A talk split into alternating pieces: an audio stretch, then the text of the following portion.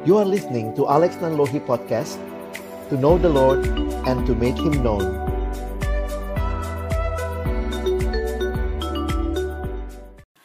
Kami datang dalam ucapan syukur di malam hari ini. Terima kasih untuk kesempatan kami merayakan kebangkitanmu.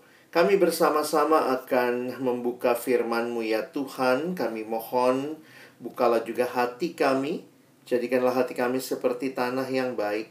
Supaya ketika benih firman-Mu ditaburkan itu boleh sungguh-sungguh berakar, bertumbuh, dan juga berbuah nyata di dalam hidup kami.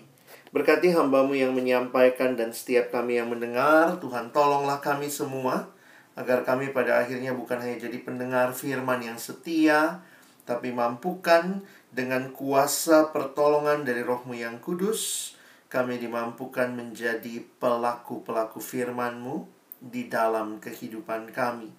Bersabdalah ya Tuhan kami anak-anakmu sedia mendengarnya dalam satu nama yang kudus, nama yang berkuasa, nama Tuhan kami Yesus Kristus, kami menyerahkan pemberitaan firman-Mu. Amin. Ya, saya menyiapkan satu presentasi untuk kita sama-sama nanti bisa ikuti.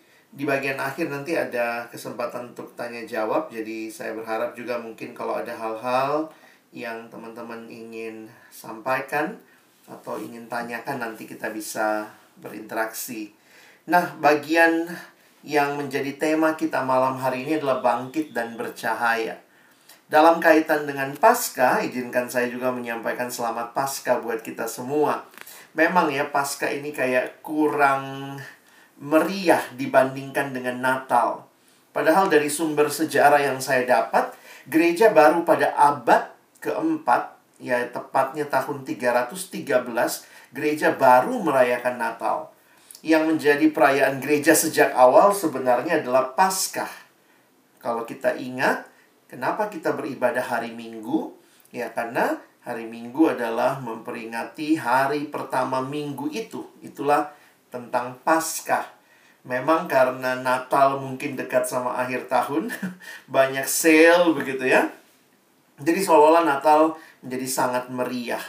Tentu kita tidak bisa melepaskan ya Natal tetap juga menjadi perayaan penting Tapi satu kutipan yang dituliskan oleh Timothy Keller mengatakan Easter proof that Christmas was real Sebenarnya yang menarik kalau kita perhatikan bahwa semua pendiri agama itu punya hari kelahiran Semua pendiri agama punya hari kematian Tetapi hanya Yesus yang punya hari kebangkitan karena itu saya mengutip kalimat uh, dalam satu khotbah pendeta Dr. Stephen Tong. Dia berkata, Yesus bangkit menjadi pengharapan terbesar bagi kita, juga membuat kita berbeda dengan semua agama lain. Pendiri-pendiri agama-agama lain masih berada dalam kubur.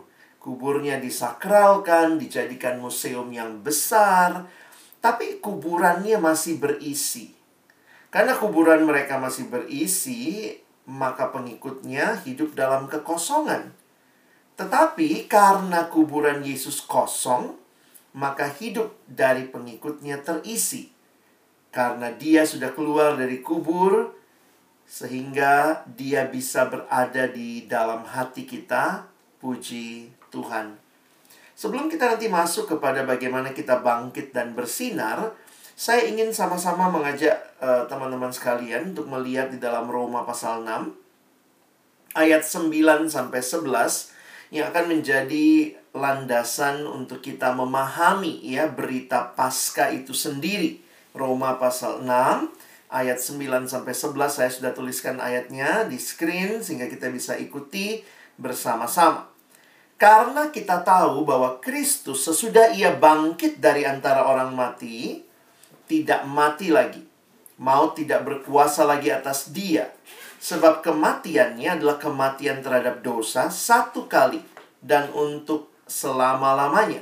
Dan kehidupannya adalah kehidupan bagi Allah.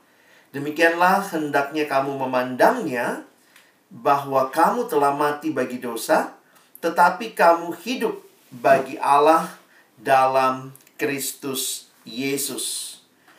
Nah, bagian Alkitab ini kalau kita lihat di dalam Alkitab cetak kita, Roma pasal 6 ini ada di dalam judul perikop mati dan bangkit dengan Kristus. Jadi, saya ingin mengajak kita melihat dua fakta pada hari ini. Yang pertama, kita akan melihat fakta tentang Yesus sendiri. Tetapi juga kita yang kedua akan melihat fakta tentang orang percaya, ya tentang kita, gitu ya. Tentang kita orang-orang percaya. Nah, kita lihat yang tentang Yesus terlebih dahulu. Dari ayat yang kita baca tadi, kita bisa melihat tentang kematian dan kebangkitan Yesus. Nah, memang menarik sekali berbeda dengan kita ya. Kalau Bapak John Stott mengatakan kita itu hidup lalu mati, ya. We live and die. Tetapi Kristus Christ died and lived. Dia mati, namun dia bangkit dan hidup. Mari perhatikan di dalam ayat yang kita baca tadi, ayat 9 dan 10. Sebenarnya menarik untuk memperhatikan di dalam ayat ini Paulus mencoba menjelaskan apa yang terjadi pada Kristus. Perhatikan ayat 9 bahwa Kristus sesudah ia bangkit dari antara orang mati. Ya, jadi kita melihat bahwa betul ini fakta sejarah yang terjadi. Bahwa Yesus bangkit dari antara orang mati. Kalau dia bangkit berarti dia mati. Ya, harus sungguh-sungguh mati baru bisa bangkit begitu ya. Dan dikatakan mau tidak berkuasa lagi atas dia. Nah, tapi bukan hanya fakta yang ditunjukkan. Apa yang menjadi makna? Karena bagi saya ini penting nih. Paulus tidak hanya bicara fakta Kristus mati lalu bangkit, tetapi apa artinya? Apa maknanya? Di ayat 10 dikatakan sebab kematiannya, berarti kematian Yesus adalah kematian terhadap dosa satu kali dan untuk selama-lamanya. Dan kehidupannya. Loh, kok bisa hidup? Nah, ini yang dijelaskan di ayat 9. Sesudah ia bangkit dari antara orang mati. Jadi Yesus bangkit. Karena dia bangkit, dia hidup. Nah, perhatikan maknanya dan kehidupannya adalah kehidupan bagi Allah. Ketika kita merayakan Jumat Agung, Pasca, kita diajak untuk masuk dalam satu pengalaman kematian dan kebangkitan Kristus yang kalau kita perhatikan sering kali diputarkan film Passion of the Christ, kita melihat apa yang Yesus alami dengan penderitaan yang begitu luar biasa. Dia harus dicambuk, dia memikul salibnya sendiri. Dan di dalam film ini saya pikir Mel Gibson memberikan gambaran yang mungkin begitu dekat dengan apa yang sungguh-sungguh Yesus alami. Sampai akhirnya dia mati dan kemudian dicek lagi gitu ya. Ditusuk lambungnya.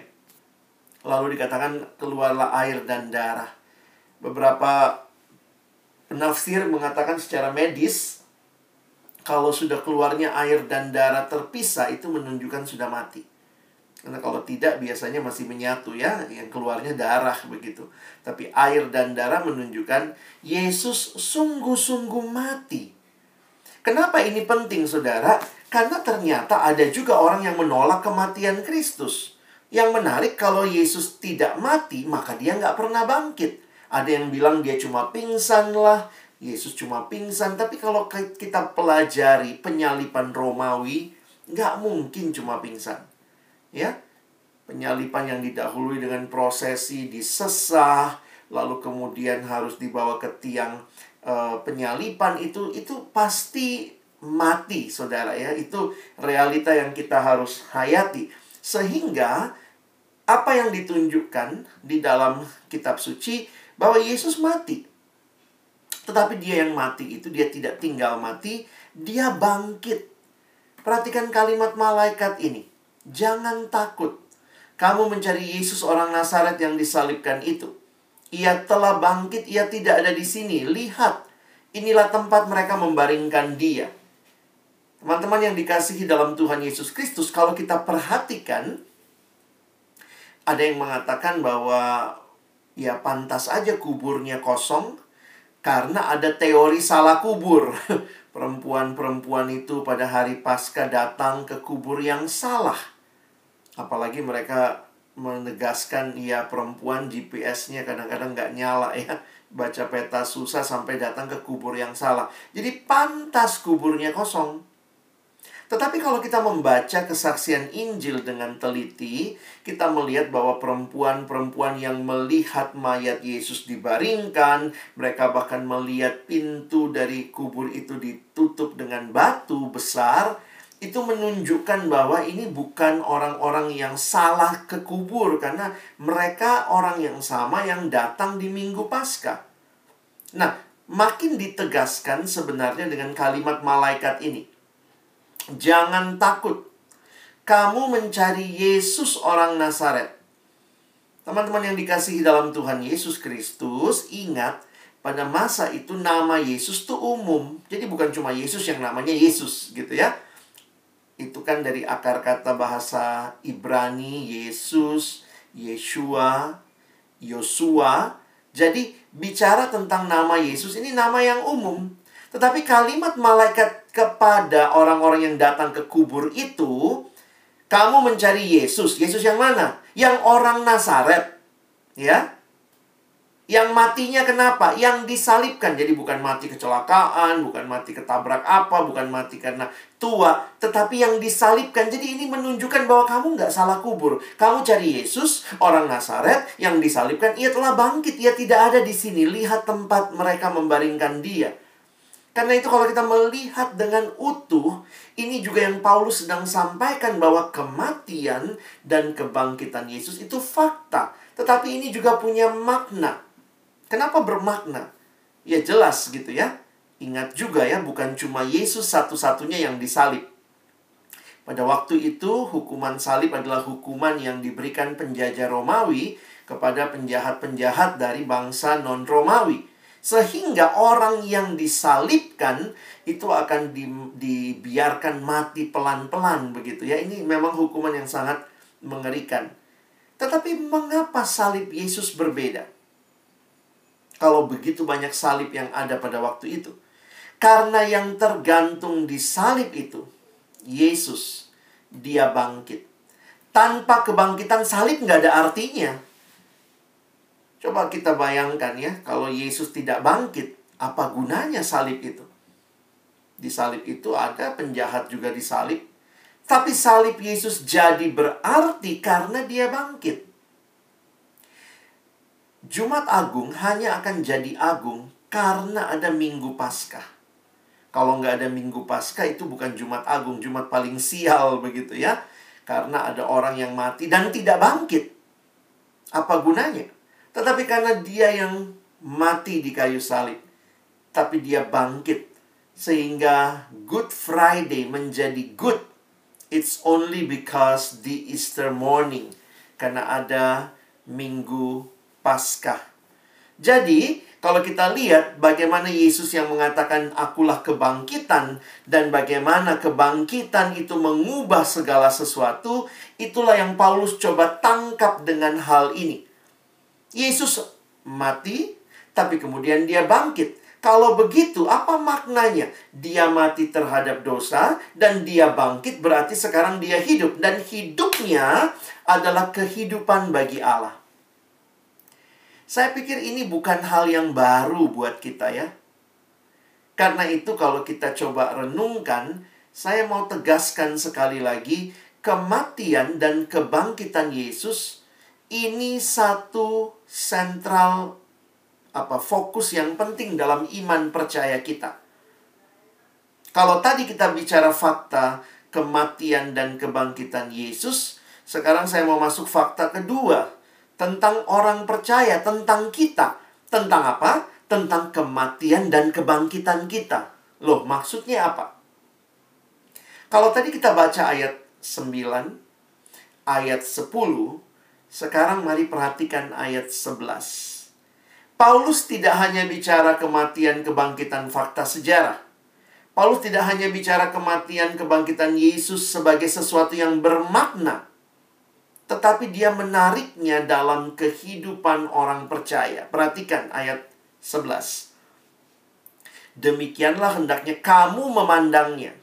Bahwa kamu telah mati bagi dosa, tetapi kamu hidup bagi Allah dalam Kristus Yesus. Bukannya yang mati Yesus, tetapi buat kita yang percaya kepada Kristus, yang menerima Dia, yang bersatu dengan Dia, maka kematian Yesus jadi kematian kita. Kalau Yesus mati terhadap dosa, ya memang Dia beda dengan kita ya, karena Dia juru selamat, dia menebus dosa. Dia mati terhadap dosa. Begitu istilah yang Paulus pakai. Kalau kita, kita mati bagi dosa. Kita bukan lagi orang yang hidup terus-menerus dalam dosa. Kalau Kristus mati, dia mati terhadap dosa. Kalau demikian, saya pun mati. Saya mati bagi dosa. Tapi ingat, Kristus hidup dan dia bangkit. Dia hidup, dia hidupnya bagi Allah. Maka aku pun hidup bagi Allah. Tapi kuncinya ada di kata ini, dalam Kristus Yesus. Di dalam persekutuan dengan Kristus, waktu kita buka hati terima Dia, maka ingat kematian Kristus bukan hanya fakta sejarah yang bermakna, tetapi menjadi pengalaman iman kita kita saat ini sedang membawa kematian dan kebangkitan Kristus di dalam tubuh kita, di dalam keseharian kita. Itulah yang Paulus sampaikan nanti kalau kita baca juga di dalam kitab 2 Korintus misalnya. Dan kita ini dibawa dalam sebuah hidup yang baru. Saya mengutip kalimat pendeta John Stott, God who raised Jesus from physical death can raise us from spiritual death and make us new in Christ. Kita dibawa dalam kehidupan yang baru. Yesus memberikan kehidupan yang baru. Hidup yang baru itu bukan hidup yang lebih baik saja, tetapi benar-benar baru. Makanya kalimat dari Bapak Timothy Keller, Christianity is not about being nice. It's about being new. Dan inilah iman yang kita yakini di dalam kebangkitan Kristus, Christian faith is resurrection faith, or it cannot be Christian faith any longer. Jadi, eh, teman-teman uh, yang dikasihi Tuhan, abang kakak, dan adik-adik sekalian, perhatikan baik-baik. Tidak ada tema kita malam ini bangkit dan bercahaya kalau kita tidak alami perjumpaan dengan Kristus. Jangan mimpi bisa mengalami bangkit bercahaya kalau kita belum sungguh-sungguh mengalami perjumpaan dengan Kristus. Dan saya pikir itulah yang Tuhan lakukan bagi kita secara khusus ketika kita ada di dalam pelayanan mahasiswa, dalam perjalanan iman kita baik untuk saudara-saudara yang kenal Tuhan lewat pelayanan mahasiswa atau mungkin bukan kenal Tuhan, mungkin kenal Tuhan sebelumnya tetapi bertumbuhnya kemudian dalam pelayanan mahasiswa sampai saudara-saudara ikut melayani di dalam pelayanan di kampus, maka ini satu hal yang luar biasa. Kita kembali ke dasar iman kita bahwa kematian Kristus menjadi kematian kita, kebangkitan Kristus menjadi kebangkitan kita. Dia mati terhadap dosa, aku mati bagi dosa. Dan dia bangkit dan hidup bagi Allah, maka aku pun sekarang bangkit dan bukan lagi hidup bagi dosa, hidup bagi diriku sendiri, hidup bagi kesenanganku, tapi sekarang hidup bagi Allah. Jadi tidak ada alumni yang bangkit tanpa mengalami karya Kristus. Nah, saya mau masuk lebih jauh lagi. Apa yang kebangkitan Yesus tegaskan bagi hidup kita saat ini? Nah, ada hal yang banyak sebenarnya menarik untuk kita bahas, tapi saya ingin sedikit menegaskan tentang kondisi Indonesia di tengah-tengah pandemi ini. Salah satu yang bagi saya ketika merenungkan tentang Paskah adalah tentang pengharapan. Saya pikir hidup yang paling menyedihkan itu bukan hidup yang menderita karena bagi saya hidup yang menyedihkan itu justru hidup yang tidak punya pengharapan. Ada orang-orang yang rela menderita karena dia punya pengharapan. Jadi sebenarnya yang jauh lebih menyedihkan ketika hidup tanpa pengharapan. Dan di dalam situasi COVID seperti ini yang masih belum selesai, Kita melihat India sekarang mengalami bukan cuma ini ya, dibilangnya tsunami COVID ya, berbalik. Sekarang begitu rupa 15 kali lebih parah dari sebelumnya. Saya pikir dalam situasi seperti ini gimana kita ya? Apa yang orang Kristen sebenarnya bisa bawa dalam kehidupannya? Perhatikan ayat ini. Rasul Petrus Rasul Petrus mengatakan di 1 Petrus 1 ayat 3 di bagian awal suratnya dia menaikkan pujian ya. Terpujilah Allah dan Bapa Tuhan kita Yesus Kristus yang karena rahmatnya yang besar telah melahirkan kita kembali. Oleh kebangkitan Yesus Kristus dari antara orang mati kepada suatu hidup yang penuh pengharapan. Kebangkitan Kristus mengerjakan di dalam diri kita yang percaya sebuah kehidupan yang baru yang penuh pengharapan. Nanti kalau kita perhatikan dalam salah satu terjemahan juga menarik ya. Dia mengatakan eh, kebangkitan Yesus dari antara orang mati itu kebangkitan Yesus hidup membawa kita dalam hidup yang penuh pengharapan. Uh, saya summary dengan kalimat ini ya. We have a living hope because we have a living savior. Ini menarik untuk kita pikirkan. Ketika hidup di dalam dosa. Kalau kita perhatikan tadi ya, cerita hidup, siklus hidup itu kan apalagi di dalam dosa, cuma lahir, hidup, mati. Ya udah, lahir, hidup, mati. Tetapi di dalam Kristus, kita melihat bahwa siklusnya bukan berhenti di kematian, karena di dalam Kristus dia sendiri bangkit. Jadi bukan lahir, hidup, mati saja, tetapi lahir, hidup, mati, bangkit. Dan kita percaya karena Yesus telah bangkit, maka kita pun akan dibangkitkan bersama-sama dengan dia. Karena itu hari Minggu di gereja kita berdiri dan berkata, aku percaya akan kebangkitan daging atau kebangkitan tubuh atau kebangkitan orang mati. Jadi ini satu keyakinan bahwa hidup tidak hanya berakhir di kematian. Betapa menyedihkannya hidup kalau hanya berakhir di kematian. Mungkin dalam situasi COVID ini kita pun mengalami ada keluarga kita atau orang yang terdekat dengan kita harus meninggal karena COVID itu membuat kita jadi sadar kalau hidup itu akhirnya cuma mati. What is life?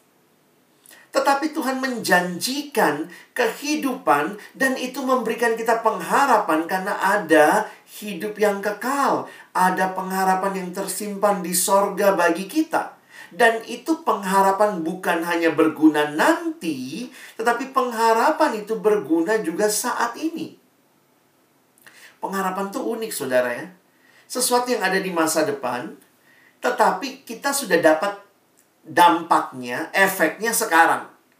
Saya kasih contoh nih ya, misalnya ada orang tua janji sama anaknya.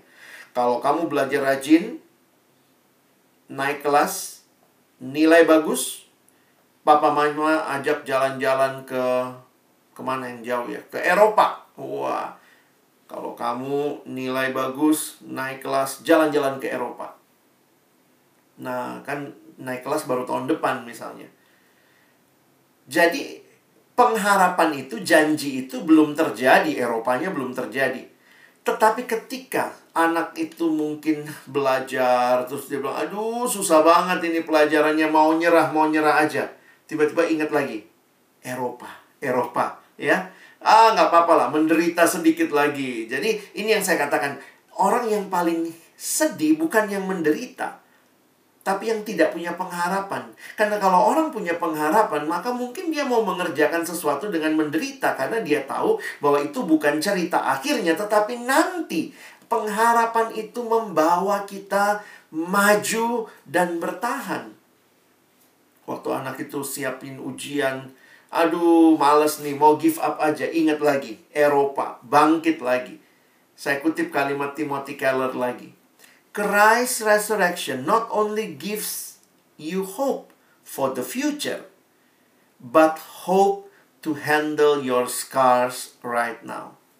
Bukan hanya nanti pengharapan untuk kekekalan, tetapi juga pengharapan untuk bisa men, men, menghadapi, menangani luka-luka yang kita alami karena kita ada dalam dunia yang sudah jatuh dalam dosa. Sehingga kita bisa bernyanyi seperti tadi gitu ya. Because he live, we can face tomorrow. Jadi saya mau kaitkan lagi alumni yang bangkit. Alumni yang juga bukan hanya tidak lagi menikmati dosa, tetapi alumni yang hidup dalam pengharapan. Jadi sebenarnya ini modal yang sudah dikasih sama kita orang percaya yang per, yang meyakini Yesus itu hidup. Banyak alumni yang terpuruk dalam situasi ini karena memang hidup tidak mudah ya. Kita mengalami pandemi sudah lebih setahun, ada yang mungkin terdampak di pekerjaan, harus mengalami pengurangan gaji mungkin, pengurangan pegawai, harus keluar, harus cari kerja baru kalau teman-teman juga mungkin guru, harus kemudian uh, saya punya adik KTB, dia sudah sudah tahun lalu sebenarnya sudah tes dan diterima di sekolah itu eh pandemi. Jadi kemudian sekolah yang menerima kirim lagi, mohon maaf belum bisa menerima saat ini. Padahal udah lulus tes. Bingung lagi, mesti cari lagi, apalagi kan sekolah itu rata-rata bukanya per semester ya per semester atau per tahun bahkan tahun ajaran dan seterusnya wah buat dia juga di bingung juga nih sekarang baru mulai dapat sekolah baru lagi setelah menunggu hampir satu tahun begitu. Nggak mudah. Dan bagaimana? Kalau kita bicara bangkit tapi hilang pengharapan gimana juga ya? Saya pikir di sinilah kita bisa melihat hidup lebih realistis. Bukannya hidup tanpa pergumulan. Saya pikir jangan minta hidup tanpa pergumulan karena bukan itu yang Tuhan janji. Tetapi Tuhan kita adalah Tuhan yang berjanji, Dia berjalan bersama kita di dalam setiap pergumulan kita. Jadi ini pengharapan yang luar biasa yang dibawa dengan kebangkitan Kristus. Pengharapan juga untuk kita bisa hidup kudus, kita bisa hidup benar. Saya pikir alumni butuh ini, ya. Butuh menghayati kebangkitan Kristus supaya kita nggak kalah dengan pergumulan kehidupan Betul hidup penuh pergumulan, tapi mari kita bangkit. Bangkit dengan komitmen, dengan tekad ya. Saya tuliskan begini. Melalui kebangkitan Kristus yang hidup kembali, dia memberi kita kuasa atas segala kecenderungan dosa. Ketika kita mengizinkan dia mengendalikan kehidupan kita. Saya juga bertemu ya dengan, karena saya pegang beberapa alumni dalam KTB, saya juga bertemu dengan realita yang tidak jauh dari mahasiswa. Kadang-kadang saya pikir, ya ampun Tuhan, kok nggak kelar-kelar ya pergumulan dosa ini ya. Waktu di mahasiswa dosanya pornografi, sekarang pun nggak jauh beda, masih porno juga gitu ya. Bahkan mungkin sudah mulai pacaran nggak kudus, nggak benar, mulai merasakan uh, hidup yang apa hubungan tanpa status, mengisi kesepian. Dan itu semua jadi sesuatu yang saya pikir Tuhan, Engkau sudah bangkit. Di mana alumni-alumni yang bangkit ini? Dan ya tentu tidak sedikit juga ya kita nggak bisa tutup mata mengatakan kalau kita pernah pelayanan dulu kita kebal dosa. Enggak juga saudara. Beberapa alumni menjadikan pelayanan itu uh, cuma nostalgia. Dulu saya rajin sekali, Bang. Wih, dulu Abang ingat kalau ketemu alumni gitu ya. Dulu Abang ingat ya. Kita waktu itu, Bang, wow, kalau jemaat belum datang kita udah datang, kita udah ngatur-ngatur bangku. Jemaat pulang kita masih ada, masih evaluasi, masih apa. Wah, aku dulu, Bang, wah luar biasa. Aku dulu, Bang, luar biasa. Tapi itu semua dulu. Saya pikir kerohanian bukan nostalgia. Berhentilah bernostalgia kembalilah melayani. Kembalilah bangun kerohanian, kehidupan yang mengalami Kristus yang bangkit. Miliki komunitas yang mau sama-sama berjuang untuk bangkit. Jadi saya kasih rahasia bangkitnya dulu ya. Karena kalau bicara bangkitnya, bercahayanya. Tapi kalau saudara nggak mengalami kuasa Yesus yang bangkit itu dalam hidupmu, maka dosa akan menjadi makanan sehari-hari yang kita terus nikmati. Pengharapan ya kita bisa begitu putus asa. Tapi kalau kita sudah ngalamin lagi, makanya saya bersyukur ya. Waktu bicara kebangkitan, saya pikir ini bagian yang Tuhan izinkan kita dengar sekali lagi. Makanya Yesaya 60 bisa jadi tema yang menarik ya. Bangkit, bangkitlah menjadi terang sebab terangmu datang dan kemuliaan Tuhan terbit atasmu. Menarik sekali istilah yang Yesaya pakai di sini, kita hanya bisa bangkit dan menjadi terang sebab terangmu datang. Jadi kalau nggak ngalamin terang dari Tuhan, ya kita nggak bisa menerangi. Nggak ada dari kita sinarnya gitu ya. Sebab sesungguhnya kegelapan menutupi bumi ini realitanya. Dan kekelaman menutupi bangsa-bangsa. Tetapi terang Tuhan terbit atasmu dan kemuliaannya menjadi nyata atasmu. Inilah yang Yesus katakan juga, dia genapkan, akulah terang dunia. Yohanes 8 ayat 12, barang siapa mengikut aku, ia tidak akan berjalan dalam kegelapan, melainkan ia akan mempunyai terang hidup. Jelas Tuhan ingatkan, aku telah datang ke dalam dunia sebagai terang, supaya setiap orang yang percaya kepadaku, jangan tinggal dalam kegelapan. Yohanes 12 ayat 46. Karena itu Rasul Paulus juga saya pikir dalam surat Efesus, Efesus 5, coba lihat ayat 8 ke bawah ini ya. Kalimatnya menarik. Memang dahulu kamu adalah kegelapan. Nah, ini hidup yang lama. Tetapi sekarang kamu adalah terang di dalam Tuhan. Kalau sudah terang, maka sebab itu hiduplah sebagai anak-anak terang. Hidupi status itu. Perhatikan ayat 9. Karena terang hanya berbuahkan kebaikan dan keadilan dan kebenaran dan ujilah apa yang berkenan kepada Tuhan. Nah, lihat ini buahnya terang ya, 3K. Kebaikan, keadilan, kebenaran. Jadi kalau ada lagi alumni yang nanya, gimana ya bang, boleh korupsi nggak ya? Boleh nggak berintegritas nggak ya? Boleh nggak sih jadi orang yang aku mulai cuek sama hidup bang? Aku nggak mau lagi baik-baik sama orang. Saya ketemu alumni yang begitu ya. Aku nggak mau baik-baik sama orang bang. Aku ditipu terus. Saya bilang ini bukan masalah kebaikan. Tetap Alkitab bilang kita mesti baik. Mungkin kamu mesti lebih cerdik ya. Jadi dalam hati saya bilang ini bukan masalah kau jadi kurang baik. Kau agak bodoh ku tengok ya. Ini masalahmu kebodohan. Jadi baik itu jadi sesuatu yang harus kita lakukan ini Alkitab mengatakan terang hanya berbuahkan kebaikan, tapi jangan karena kebaikanmu kau ditipu itu masalah kamu yang bodoh. Baiklah dengan cerdik, begitu ya. Tetap harus adil, tetap harus benar dalam pekerjaan, dalam keluarga. Saya pikir berjuang untuk hal ini. Itulah buahnya terang. Sementara gelap, coba lihat Janganlah turut mengambil bagian dalam perbuatan-perbuatan kegelapan yang tidak berbuahkan apa-apa. Serem amat. Nggak ada buahnya. Tetapi sebaliknya telanjangilah perbuatan-perbuatan itu. Sebab menyebutkan saja pun apa yang dibuat oleh mereka di tempat-tempat yang tersembunyi telah memalukan. Tetapi segala sesuatu yang sudah ditelanjangi oleh terang itu menjadi nampak. Sebab semua yang nampak adalah terang. Jadi kalau kita hayati betul-betul kebangkitan itu dan karya Kristus di dalam hidup kita, mari kita periksa hidup kita. Sudahkah kita bangkit? Sudahkah kita bercahaya atau sebenarnya kita lagi masuk dalam perbuatan-perbuatan kegelapan lagi yang tidak berbuahkan apa-apa? Sekarang orang pada takut sama virus corona. Tapi jangan-jangan ada juga virus-virus dosa yang kita pelihara selama pandemi ini ya. Tambah malas. di rumah terus berantem ya. Suami istri mungkin saudara ponakan keluarga besar papa mama ya bisa begitu juga ya. Memang kemarahan jadi sesuatu yang juga sulit dikendalikan belakangan ini dalam situasi begini. Ada juga yang mungkin cheating menipu gitu ya. Lain bohong ya. Bilangnya lagi ibadah tapi ternyata lagi sambil main game gitu ya. Itu kadang-kadang begitu ya kalau lagi online begini kita kan nggak tahu ya. Dan tidak semua kita juga bisa nyalakan cam saya ngerti ya. Ada mungkin yang jaringannya kurang baik tapi ya kebohongan-kebohongan kecil bisa terjadi saudara.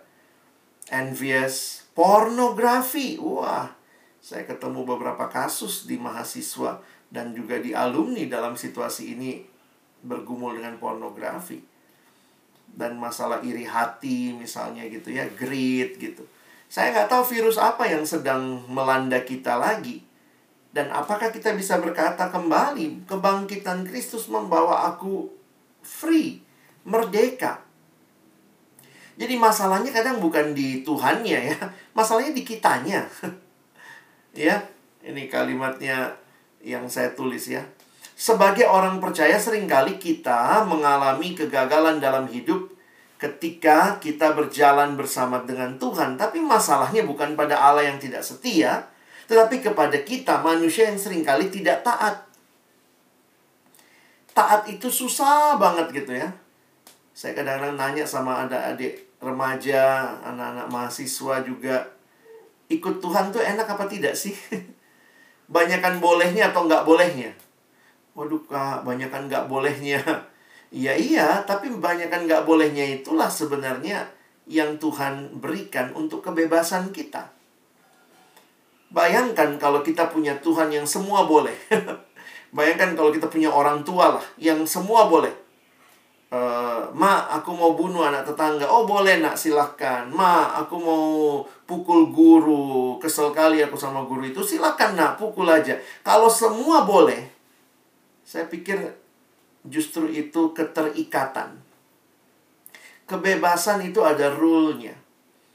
Dan kebebasan ketika diberikan dengan batasan, ada aturan, ada uh, itu ada cinta ya. Saya melihat memang kuncinya di love ya. Makanya ada kutipan begini. Cinta itu mengubah kewajiban jadi kerinduan.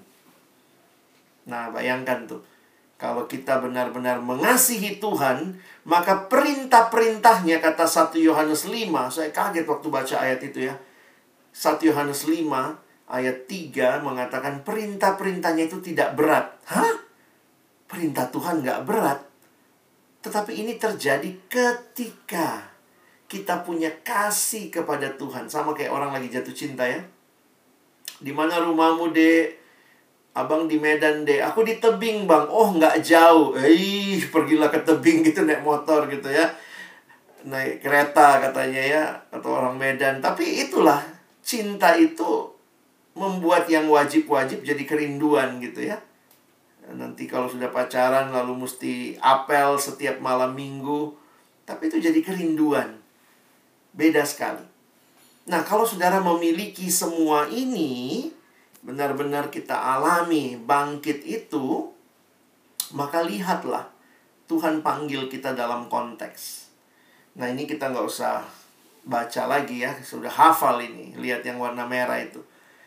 Kamu adalah garam dunia, kamu adalah terang dunia. Saya kadang mikir gini ya, waktu kita diminta bercahaya, ingat loh kalimatnya Tuhan nggak bilang gini, kamu adalah garam. Bukan.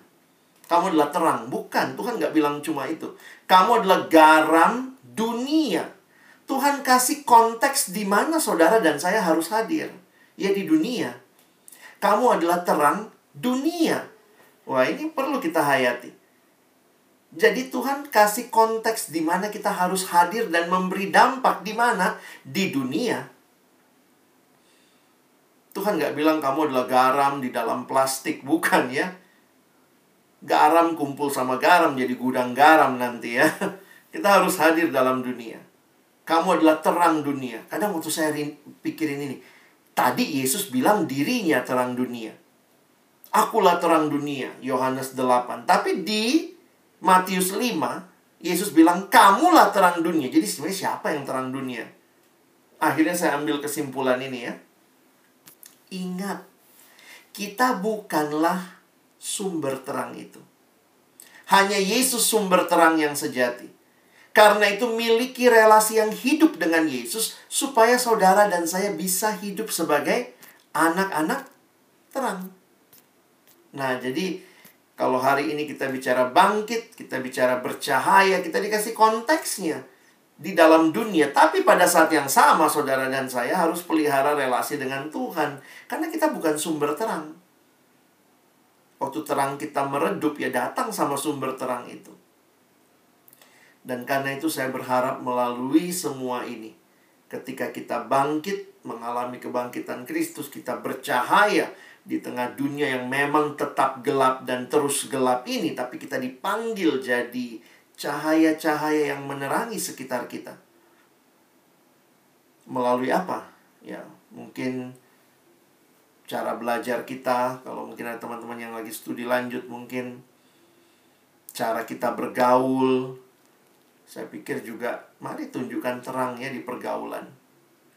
Cara saudara bekerja, apakah kita sudah jadi garam, jadi terang di pekerjaan kita, kita bangkit dan jadi cahaya di sana kalau sudah pacaran, cara pacaran kita. True love waits. Ada kalimatnya kecil di bawah itu ya. Save it until marriage. Jangan buka kado sebelum ulang tahun ya. Sebelum waktunya.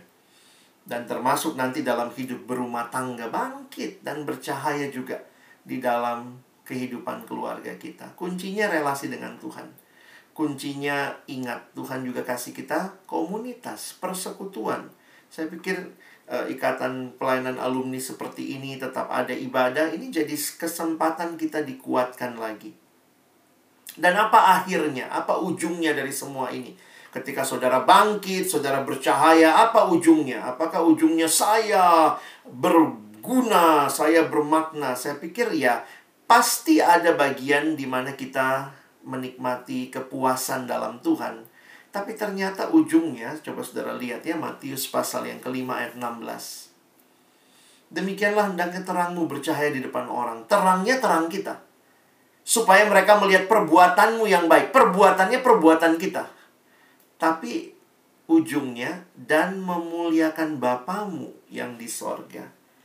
Wow. Ketika saudara dan saya bangkit jadi terang, bangkit dan bercahaya, sebenarnya orang memang lihat kita. Tapi kiranya mereka bisa lihat siapa sumber terang itu dan memuliakan Bapa yang di sorga. Mari belajar rendah hati, belajar untuk tidak mencari kemuliaan diri sendiri dan muliakan Tuhan.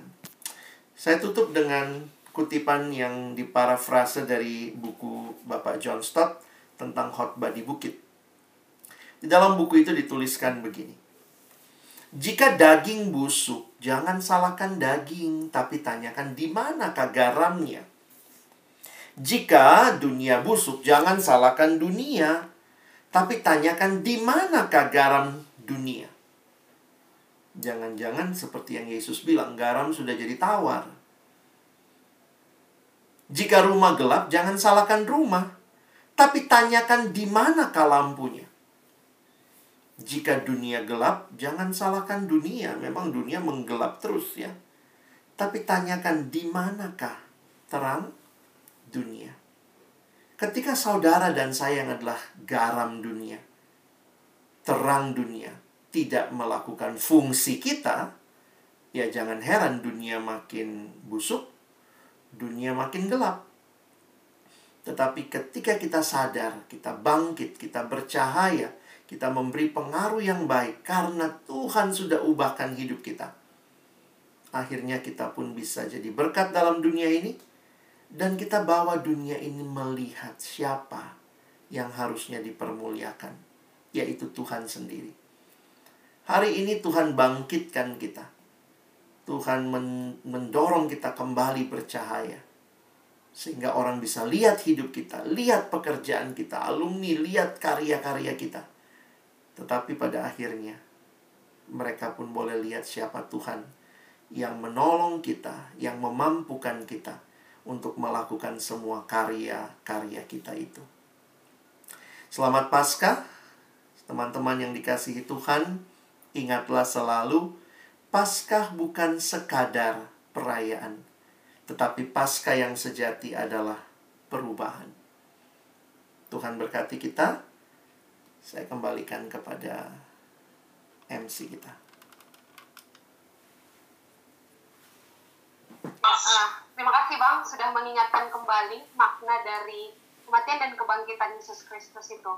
Uh, nah, Abang Kakak dan teman-teman, kita bisa berdiskusi. Saat ini kita ada waktunya untuk berdiskusi, bertanya jawab dengan sekalian uh, apa ya menyapa abang kita lah, Bang Alex gitu. Jadi untuk abang teman-teman yang mau bertanya, menyampaikan atau bercerita ya, bisa kan bang bercerita? Boleh. Silakan. boleh gitu ya. Uh, boleh di di unmute untuk sesi yang pertama untuk tiga orang. Bisa langsung di unmute atau jika uh, uh, malu boleh juga dari chat ya abang dari teman-teman yang lain aku ready juga bang untuk bertanya nih bang iya uh, sama abang boleh boleh nah, okay.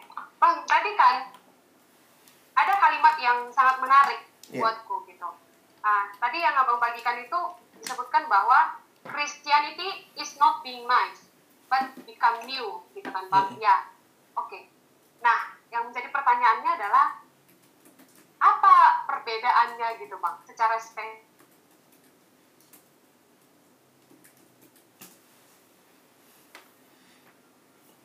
kayaknya koneksimu deh lagi ini ya.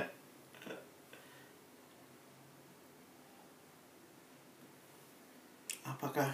Koneksi mungkin. Oh koneksi benar ya. Saya pikir oh. cuma di saya. Uh, untuk hidup. Bisa di bisa diulang sedikit deh. Halo? Eh, bisa uh, halo bang? Iya. Sekarang sudah dengar lagi. Tadi hilang. Diulang ya bang sedikit yang bagian maksudnya uh, kita kan dipanggil apa bedanya tadi sampai situ ya apa bedanya terus ada penjelasan lagi kalau kasih coba diulangi Maria oh oke okay. nah jadi kan tadi ada kalimat ya Christianity is not being nice but being new gitu. Nah, apa perbedaan secara spesifik, Bang? Soalnya di di lapangan yang saya jumpai tempat saya sekarang ini uh, banyak orang-orang yang memang mereka berjuang untuk hidup nice gitu, Bang. Berjuang untuk hidup nice. Nah, dari situ mereka beranggapan bahwa mereka tidak membutuhkan Kristus di dalam hidup mereka. Iya. Yeah. Gitu. Hmm. Nah, jadi uh, ada satu kerinduan juga bagiku uh, aku juga ingin menceritakan nih kabar baik yang aku sudah terima kepada mereka tapi hmm. ada nggak masukan dari abang supaya aku bisa menceritakannya itu supaya mereka juga melihat gitu loh bang. Hmm. uh, tapi bukan dari sisi karena hidup nice saja gitu. Yeah. tapi memang karena mereka uh, butuh Kristus dalam hidupnya. Itu hmm. bang dari dariku untuk teman-teman yang lain boleh ya di chat atau ditahan dulu. Dijawab dulu sama oke bang. Oke Thank you ya, ini pertanyaan yang sangat real karena kita alami dalam pergumulan sehari-hari. Apalagi kita lihat ya, kadang-kadang yang lain pun jauh lebih baik dari kita ya. lebih nice lagi dia dari kita ya. Jadi kadang-kadang kita pikir apa bedanya gitu. Saya tetap melihat, kita percaya kepada apa yang firman Tuhan sampaikan ya. Bahwa uh, pembaharuan itu hanya mungkin dikerjakan oleh karya Roh Kudus dalam diri kita. Dan pembaharuan itulah yang akan membawa kita di dalam hidup yang baru. Jadi, saya memang menyadari bahwa uh, kita dalam tataran level yang kelihatan ya kita kita bisa lihat itu sama. Dia baik, kita baik gitu ya. Kita berjuang hidup baik, being nice tetapi sebenarnya dalam level yang lebih dalam dan itu bagi saya memang hanya Tuhan yang tahu sih. Tuhan yang tahu motivasi hati orang. Kenapa dia being nice? Kalau kita itu kan kita being nice karena memang kita sudah ditebus, kita diminta oleh Tuhan jadi garam dan terang dalam dunia ini. Jadi bukan bicara supaya nanti saya selamat. Sementara memang perbuatan baik di dalam ajaran-ajaran kepercayaan yang lain, mereka berbuat baik, termasuk berbuat nice demi supaya selamat. Kita berbuat baik justru karena sudah selamat. Nah, itu memang level yang paling dalam seperti itu setiap orang dengan Tuhan lah ya. Tetapi mungkin itu yang masuk jadi poinnya adalah mengajak orang untuk melihat bahwa perbuatan baik itu nggak bisa menyelamatkan. Bahwa perbuatan baik kita di Alkitab bilang cuma seperti kain kotor. Jadi sebenarnya memang kalau kita bicara penginjilan, kita nggak bisa hanya bicara bikin perbuatan baik karena masih banyak orang yang mungkin perbuatan baiknya di, di level tertentu tuh kelihatan sangat baik bahkan lebih baik dari kita. Tapi kita bicara tentang pembaharuan yang total yang dikerjakan ketika kita datang kepada Tuhan dan mengalami pembaharuan. Saya mungkin secara sederhana senang dengan kalimat ini ya. Ini yang membuat kita jadi sadar ke kekristenan itu perubahannya inside out. Sementara dunia itu perubahannya lebih bersifat outside in. Nah, perubahan yang sebenarnya menyeluruh itu harusnya yang inside out ya. Yang dalamnya berubah melalui karya Tuhan karena dia kenal Yesus dan keluar. Mungkin paling gampang kalau lihat hewan ya ada dua hewan yang biasanya kita bilang berubah. Bunglon, dia berubah. Tetapi itu bukan berubah sebenarnya. Bunglon itu berubah-ubah. Begitu sebelahnya hitam, jadi hitam dia. Sebelahnya hijau, jadi hijau dia. Jadi ada orang yang berubah karena sekadar tuntutan sekelilingnya. Makanya kita saya harus katakan ya, di persekutuan mahasiswa kita juga harus sebenarnya melihat perubahan yang menyeluruh.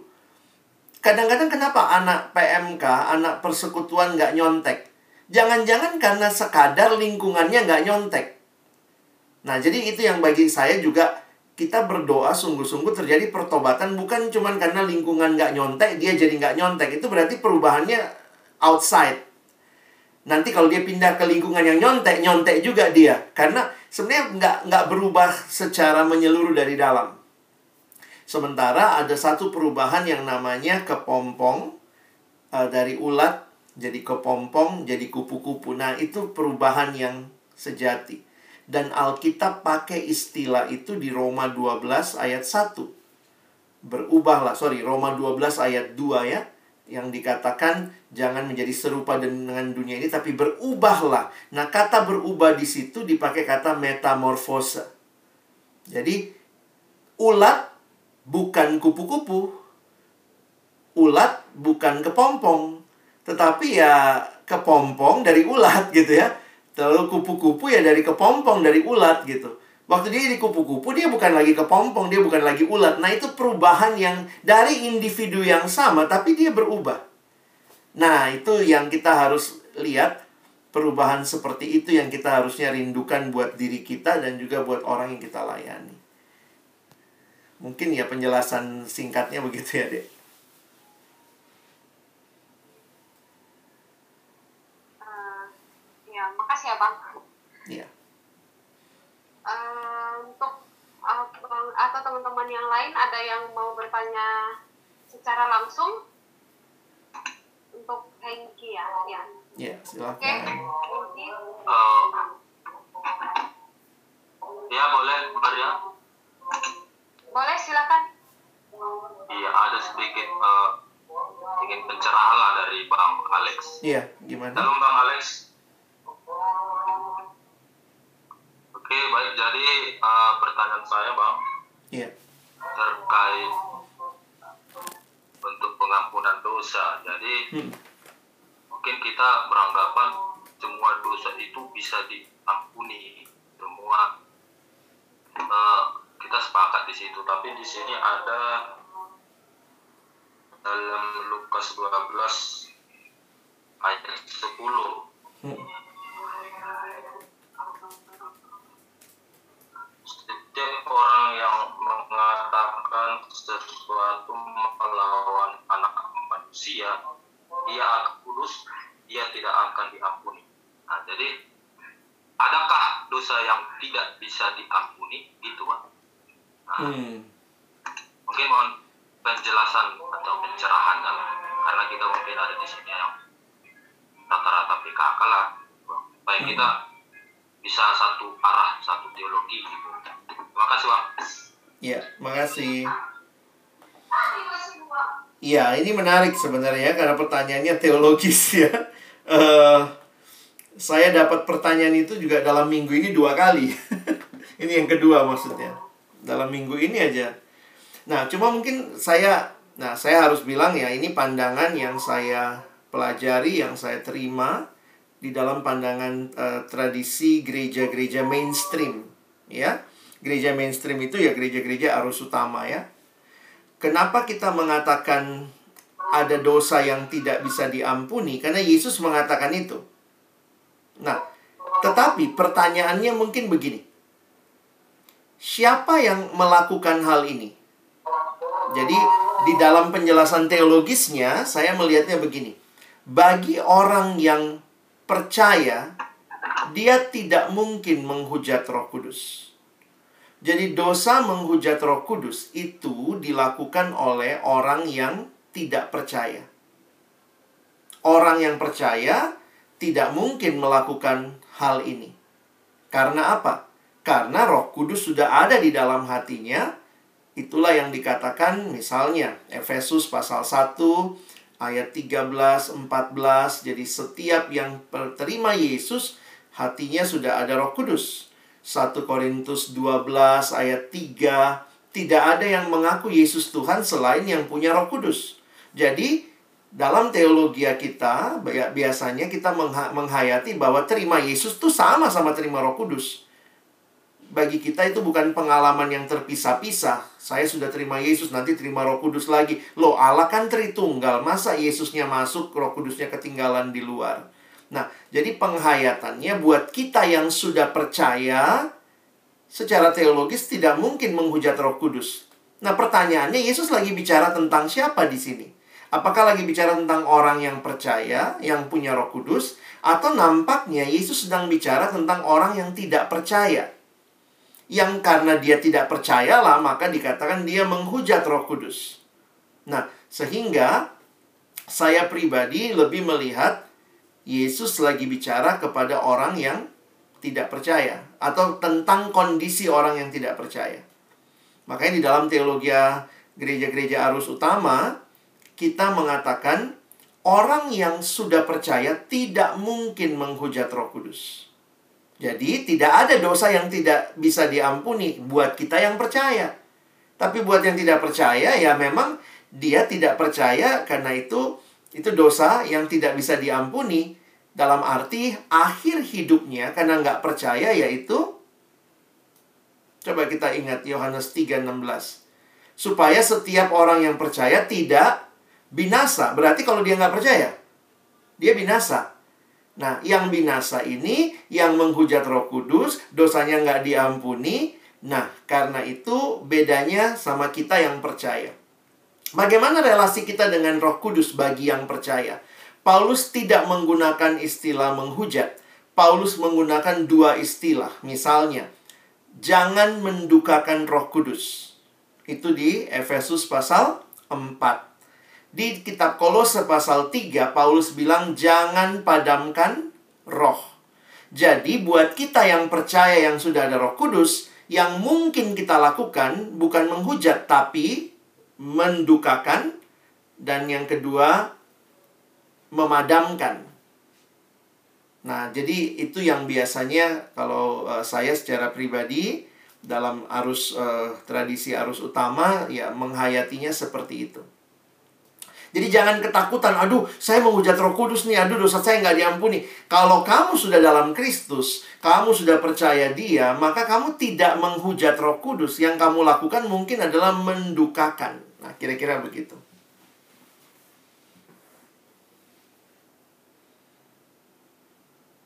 Ya, bagaimana, Kak Kira-kira sudah clear? Sudah clear. Terima kasih. Oke, kalau dosa dosa bunuh diri bagaimana itu, Bang? Enggak, kita clear lah itu ya, Bang, enggak diampuni ya. Saya harus katakan begini ya, bunuh dirinya kenapa dulu? Atau mungkin pertanyaan teologisnya begini. Mungkinkah orang yang sudah sungguh-sungguh percaya bunuh diri? Nah, di dalam diskusi teologi ada yang mengatakan mungkin Contohnya, mirip kayak begini. Apakah orang yang sungguh-sungguh percaya mungkin nggak depresi? Nah, karena depresi salah satu penyebabnya eh, sorry, salah satu akibatnya depresi adalah misalnya bunuh diri. Jadi sebenarnya begini ya, ini kalau kita bicara umum lah ya, kita sangat meyakini orang yang sudah percaya Yesus. Kalau saya pribadi ya, kalau dia sudah percaya Yesus, apa pun cara matinya, apa pun cara matinya, sebenarnya Tuhan tahulah tempatnya dia gitu. Karena kadang-kadang kalau kita yang menentukan ini selamat, ini nggak selamat, terus misalnya kita datang, ini bunuh dirinya kenapa dulu nih? Di, di konteks perang, beberapa orang re, lebih rela mati, bunuh dirinya, daripada harus menyangkal Yesus misalnya. Bagaimana dengan itu? Jadi bukan bunuh dirinya yang harus kita lihat. Bunuh dirinya itu cuma cara matinya. Tetapi apa yang sebenarnya dibalik itu yang dia yakini, yang dia percaya bagi saya itu lebih penting daripada cara matinya. Kira-kira begitu. Jadi jangan digeneralisasi. Semua yang bunuh diri, uh, kalau misalnya saya pendeta ya, layani orang yang bunuh diri. Pemakaman orang yang bunuh diri. Saya mesti punya keyakinan apa? Uh, dalam nama Yesus matilah mampus kau neraka kau itu bunuh dirimu atau saya harus belajar untuk melihat Tuhan, ya ini buat kami pendeta pastoral itu kita harus jelas tidak menghakimi karena kita bukan Tuhan. Saya nggak tahu persis kenapa sampai dia bunuh diri. Nah itu beberapa anak pendeta besar bunuh diri tuh. Itu menarik juga tuh untuk kita lihat. Salah satunya anak dari pendeta Rick Warren. Dan pendeta Rick Warren menceritakan tentang anaknya yang bunuh diri karena memang punya gangguan psikologis bang gangguan mental. Nah, ini juga jadi balik lagi pertanyaan, apakah orang yang sungguh-sungguh percaya Yesus bisa mengalami gangguan mental? Setelah saya lihat kasus-kasus pelajari, bisa. Makanya kita harus jaga kesehatan mental kita juga. Jadi sekali lagi hati-hati untuk nasib orang uh, itu karena kita bukan Tuhan yang tahu persis. Tapi prinsipnya kalau saya ya orang Kristen jangan bunuh diri. Itu bukan cara mengambil di hidupmu. Tetapi kalau ada yang bunuh diri, saya tidak langsung bisa mengatakan ini pasti ke neraka. Bukan begitu cara berteologianya ya.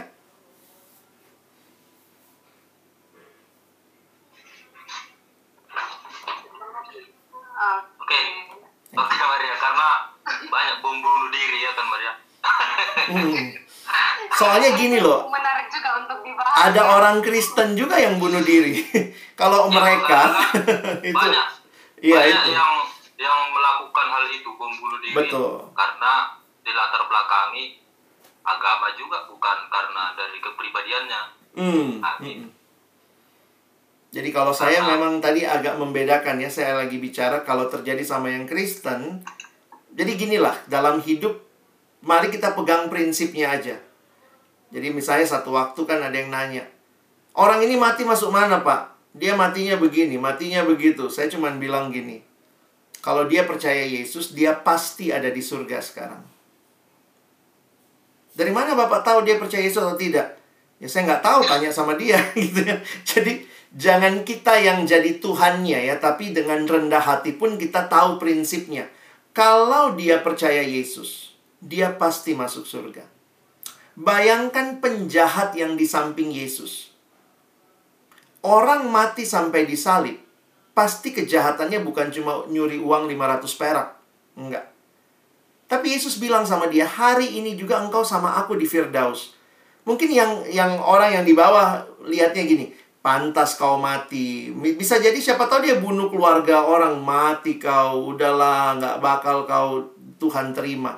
Tapi Yesus bilang hari ini juga engkau sama aku di Firdaus. Nah di situ saya pikir iya ya, anugerah Tuhan itu melampaui kita melihat orang dan kesalahannya. Nah itu yang saya pikir jadi makin rendah hati lah. Kalau dia percaya Yesus, dia pasti ada di surga. Nah, itu keyakinan kita.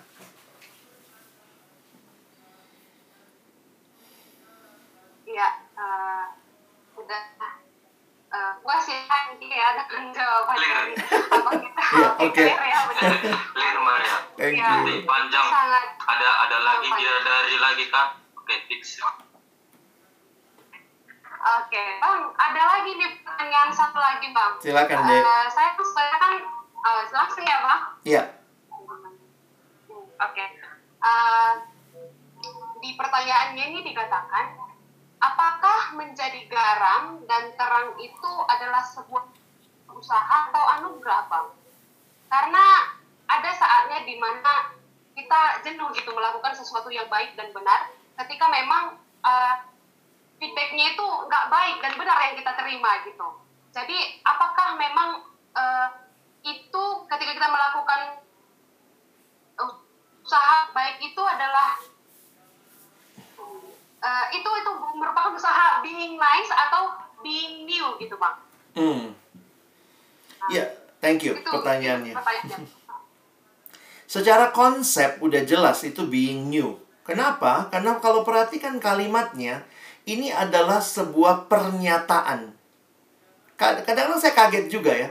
Kalimat kamu adalah garam dunia itu pernyataan. Berarti itu sesuatu yang berkaitan dengan sesuatu yang memang demikian adanya.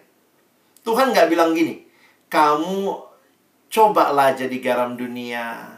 Tuhan nggak, this is not a suggestion. Ini bukan suggestion ya, tolonglah, jadilah garam dunia. Bukan begitu. Tuhan langsung bilang itu melekat pada diri kita. Kamu adalah garam dunia. Jadi ini berarti menunjukkan identitas kita. Coba misalnya teman-teman, bukannya kamu orang Batak. Udah, itu jelas. Bukan, ya cobalah jadi Batak.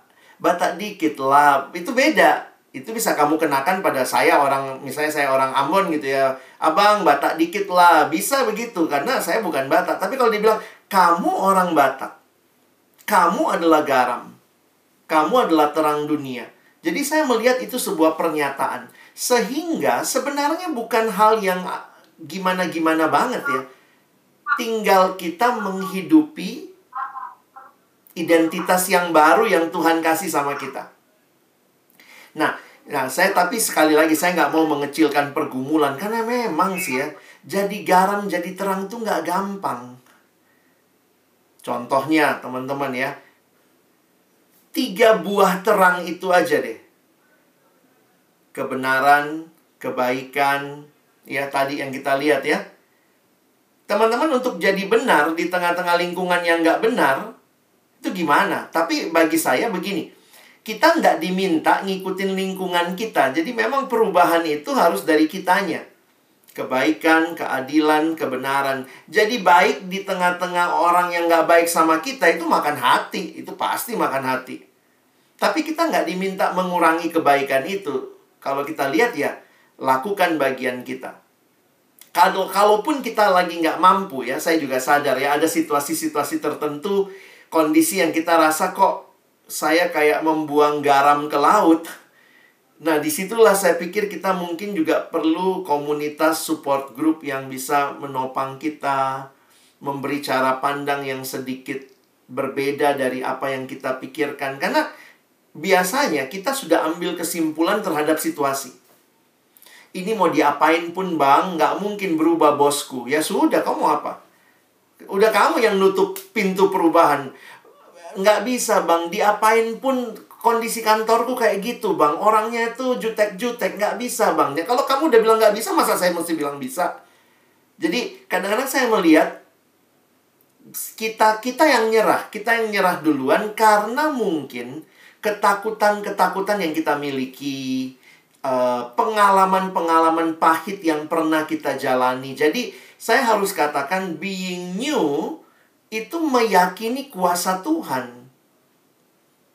Saya tahu susah banget berubah dianya, tetapi saya yakin kalau Tuhan mau.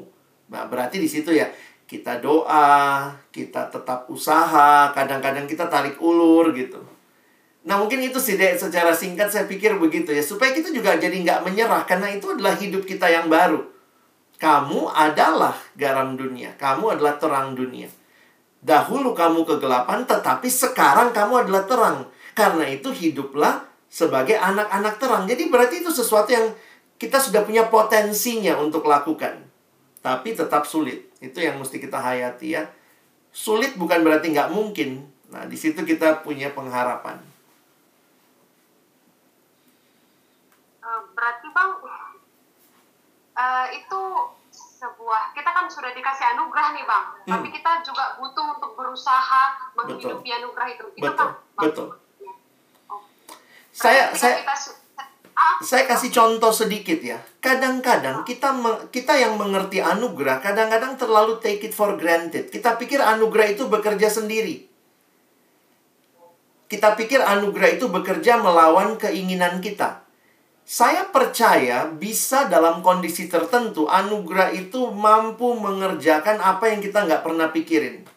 Tetapi saya juga melihat khususnya waktu kita membahas Filipi 2 work out your salvation, kerjakan keselamatanmu, because God already work in you. Saya mikir lama tuh. God work in me, I work out the salvation. Jadi waktu saya terima anugerah, saya harus membuat pilihan-pilihan untuk membuat anugerah itu nyata. Jadi anugerah itu tidak nyata dengan sendirinya. Lepas dari saya mau atau tidak memilih. Tidak. Saya melihat anugerah itu nyata justru waktu kita memilih. Saya kasih contoh. Doanya Tuhan, kasih saya kesehatan, rokok jalan terus. Itu gimana cerita? Ini saya anugerah Tuhan bekerja lah. Jadi kita mintanya Tuhan bekerja melampaui keinginan kita. Padahal kita sendiri nggak pingin memilih itu. Itu kan namanya kita mencobai Tuhan ya.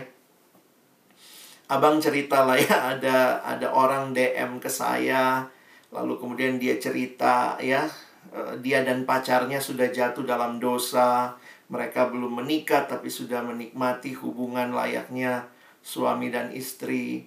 Lalu kemudian ya tanya lah sama saya ya tanya sama saya jawaban saya ya kalau tidak bisa tahan diri putus dulu.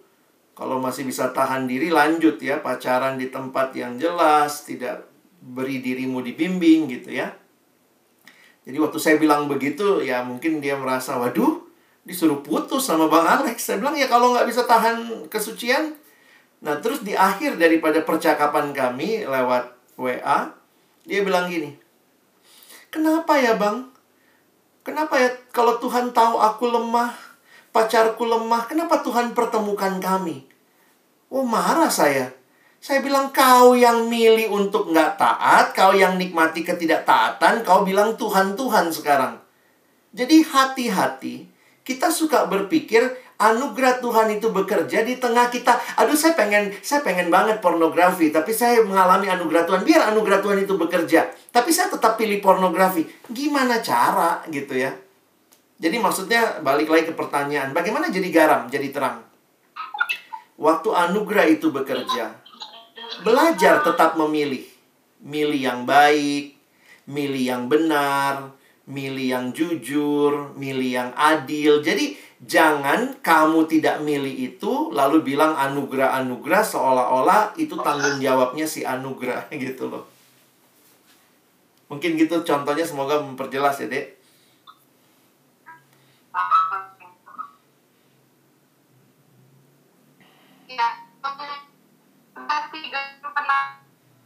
Eh, masih ada boleh nggak bang misalnya nih ada ada yang masih rindu untuk bertanya Silakan. apakah boleh bang Ini malam mingguku ya, free. oke, itu- Malam mingguku free. kami juga bang. Eh, ya abang kakak teman-teman yang mau bertanya saya kasih dua orang penanya apakah masih ya,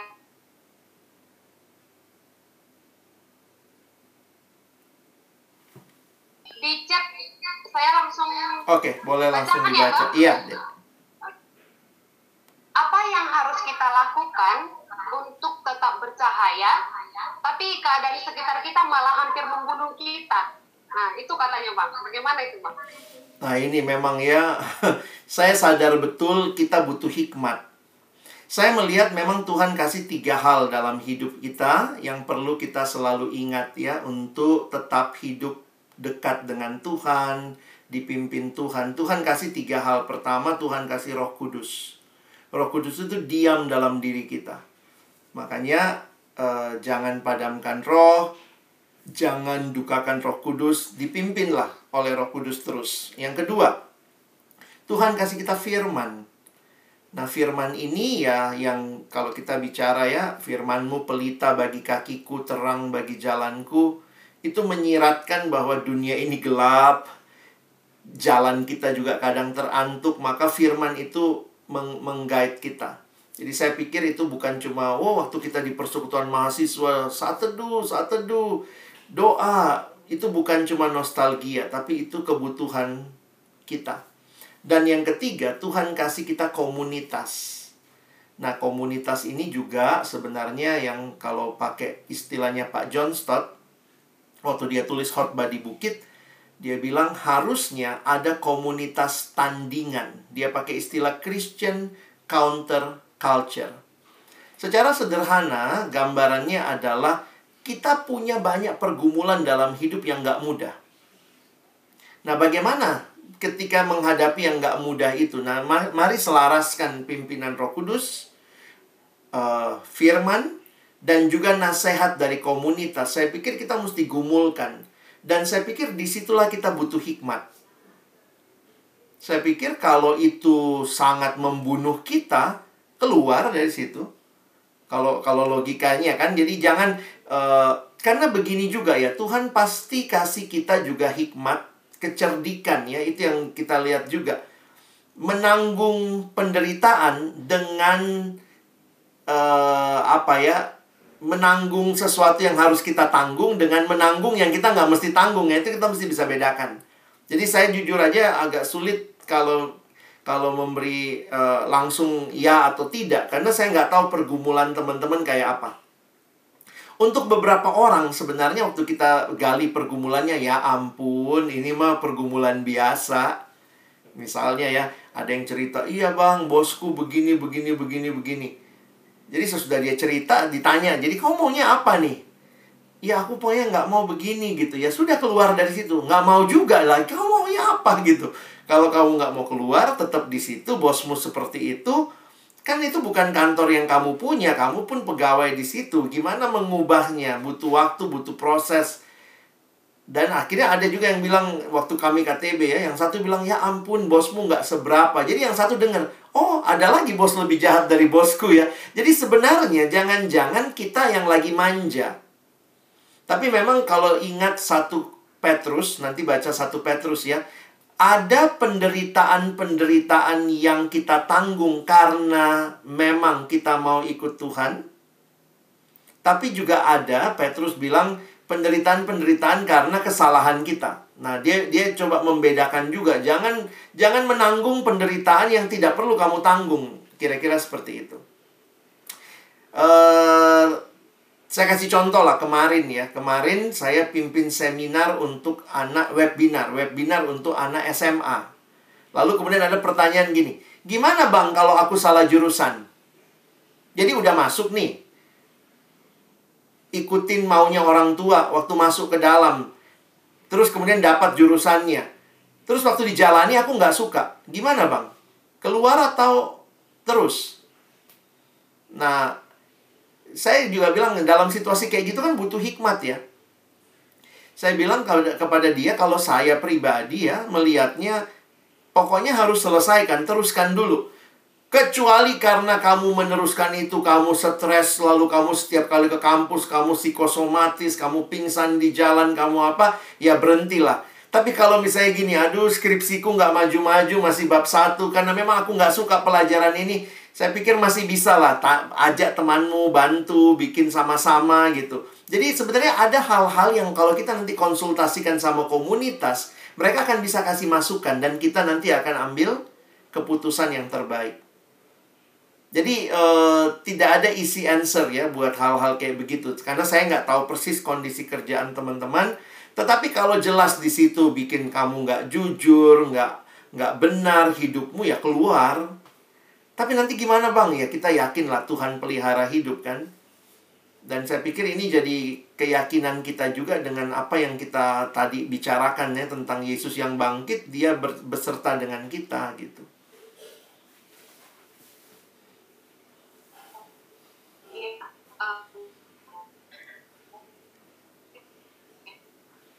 Oke, sama yang tadi mungkin berbagi kondisi gitu loh. Boleh. Kita pun sama-sama mendo- mendoakan gitu nantinya. Karena dia sedang mengerjakan misi bang, bermisi Oh, oke.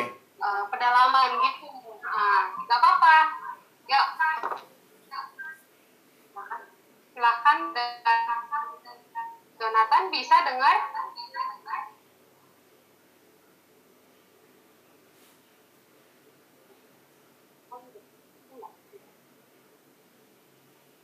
Ya. Jo?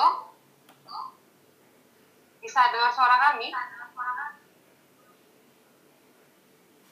Kalau nggak salah, Iya. terus tempatnya itu rumahnya mereka itu mes gitu bang Iya. itu dilempari sama tombak sama masyarakat ketika malam ketika mereka mabuk gitu Iya. mereka hampir kan di posisinya itulah yang menjadi eh, kondisi kenalan saat ini gitu bang Iya. Setiap profesi pasti punya resiko pekerjaan. Baik resiko yang terjadi karena eh, beban kerjanya sendiri maupun juga tantangan yang dari luar ya. Baik jadi bisa dari dalam maupun dari luar. Saya pikir sih tetap butuh bergumul ya. Ya, saya saya tidak mengecilkan pergumulan karena ini kan pergumulan hidup mati nih ya kalau itu ternyata sangat ya kamu tidak siap dan memang ya bukan itu yang kamu yakin juga Tuhan bisa berikan cara yang lain. Ya coba-coba lakukan begitu ya dengan baik eh, pergumulan itu dan ambil keputusan. Saya tetap nggak bisa memberi ini ya. Saya ingat No Manson dua misionaris sebelum No Manson itu mati kan? Dan itu mati dibunuh dan eh, saya lagi bayangkan kalau saya jadi no Manson ya. Datang ke tempat yang saya tahu sebelum saya yang datang dibunuh gitu. Itu gimana ya? Kok tetap datang si opung kita ya? Jadi ya kadang-kadang saya pikir ada orang yang Tuhan kasih keberanian segitu. Apakah No lebih baik, lebih bagus pelayanannya dibanding dua misionaris sebelum dia? Saya pikir nggak ada yang lebih baik di mata Tuhan sih sama ya. Cuman dua itu Tuhan izinkan mati, No Manson Tuhan izinkan hidup. No Manson lihat buah-buah yang sebenarnya itu juga ditabur oleh benih-benihnya dari misionaris yang mati sebelumnya. Nah, saya nggak berani, ya itu pergumulan pribadi Jonathan ya, dengan Tuhan. Coba lihat sejauh mana memang harus bertahan untuk orang di situ ketika yang jadi resiko adalah nyawamu. Kalau Tuhan nggak kasih keyakinan, nggak apa-apa juga. Jadi jangan, eh, saya jujur aja setelah makin lama di pelayanan nggak berani menghakimi. Pokoknya bayar harga mati demi Kristus. Kita punya keluarga, kita punya eh, pasangan mungkin, kita punya sesuatu yang kita impikan. Nah, ini yang kita mesti gumulkan di hadapan Tuhan gitu. Yang mana yang kita mau ambil, yang mana yang kita yakin Tuhan pimpin kita. Yang di kota juga banyak resiko matinya ya.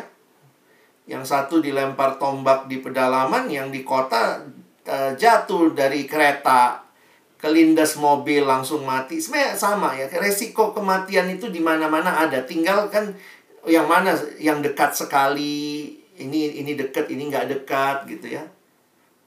Naik kereta di Medan kan ngeri juga ya. Kadang-kadang kan kereta nggak ada remnya atau katanya beberapa kendaraan itu hanya Tuhan yang tahu ya kapan dia berhenti gitu.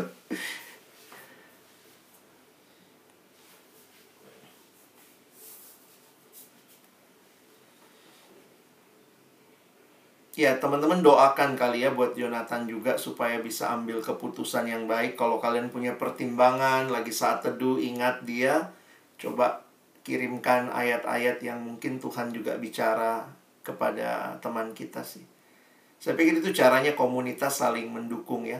Dan nanti apa pun keputusan yang dia ambil jangan kemudian bilang wah dia dia sosok mau berani mati di sana kalau dia tetap di sana. Kalau dia pulang, aduh dia nggak berani bayar harga nggak begitu cara lihatnya. Setiap orang harus bergumul di hadapan Tuhan dan ambil keputusan.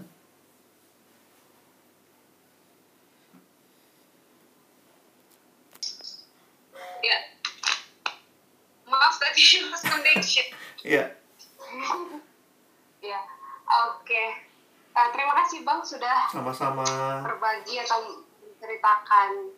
Ada lagi satu orang lagi yang mau bertanya atau berbagi, teman-teman, abang kakak? Atau sudah benar-benar jelas dan clear malam ini apa yang sudah dibagikan oleh abang kita?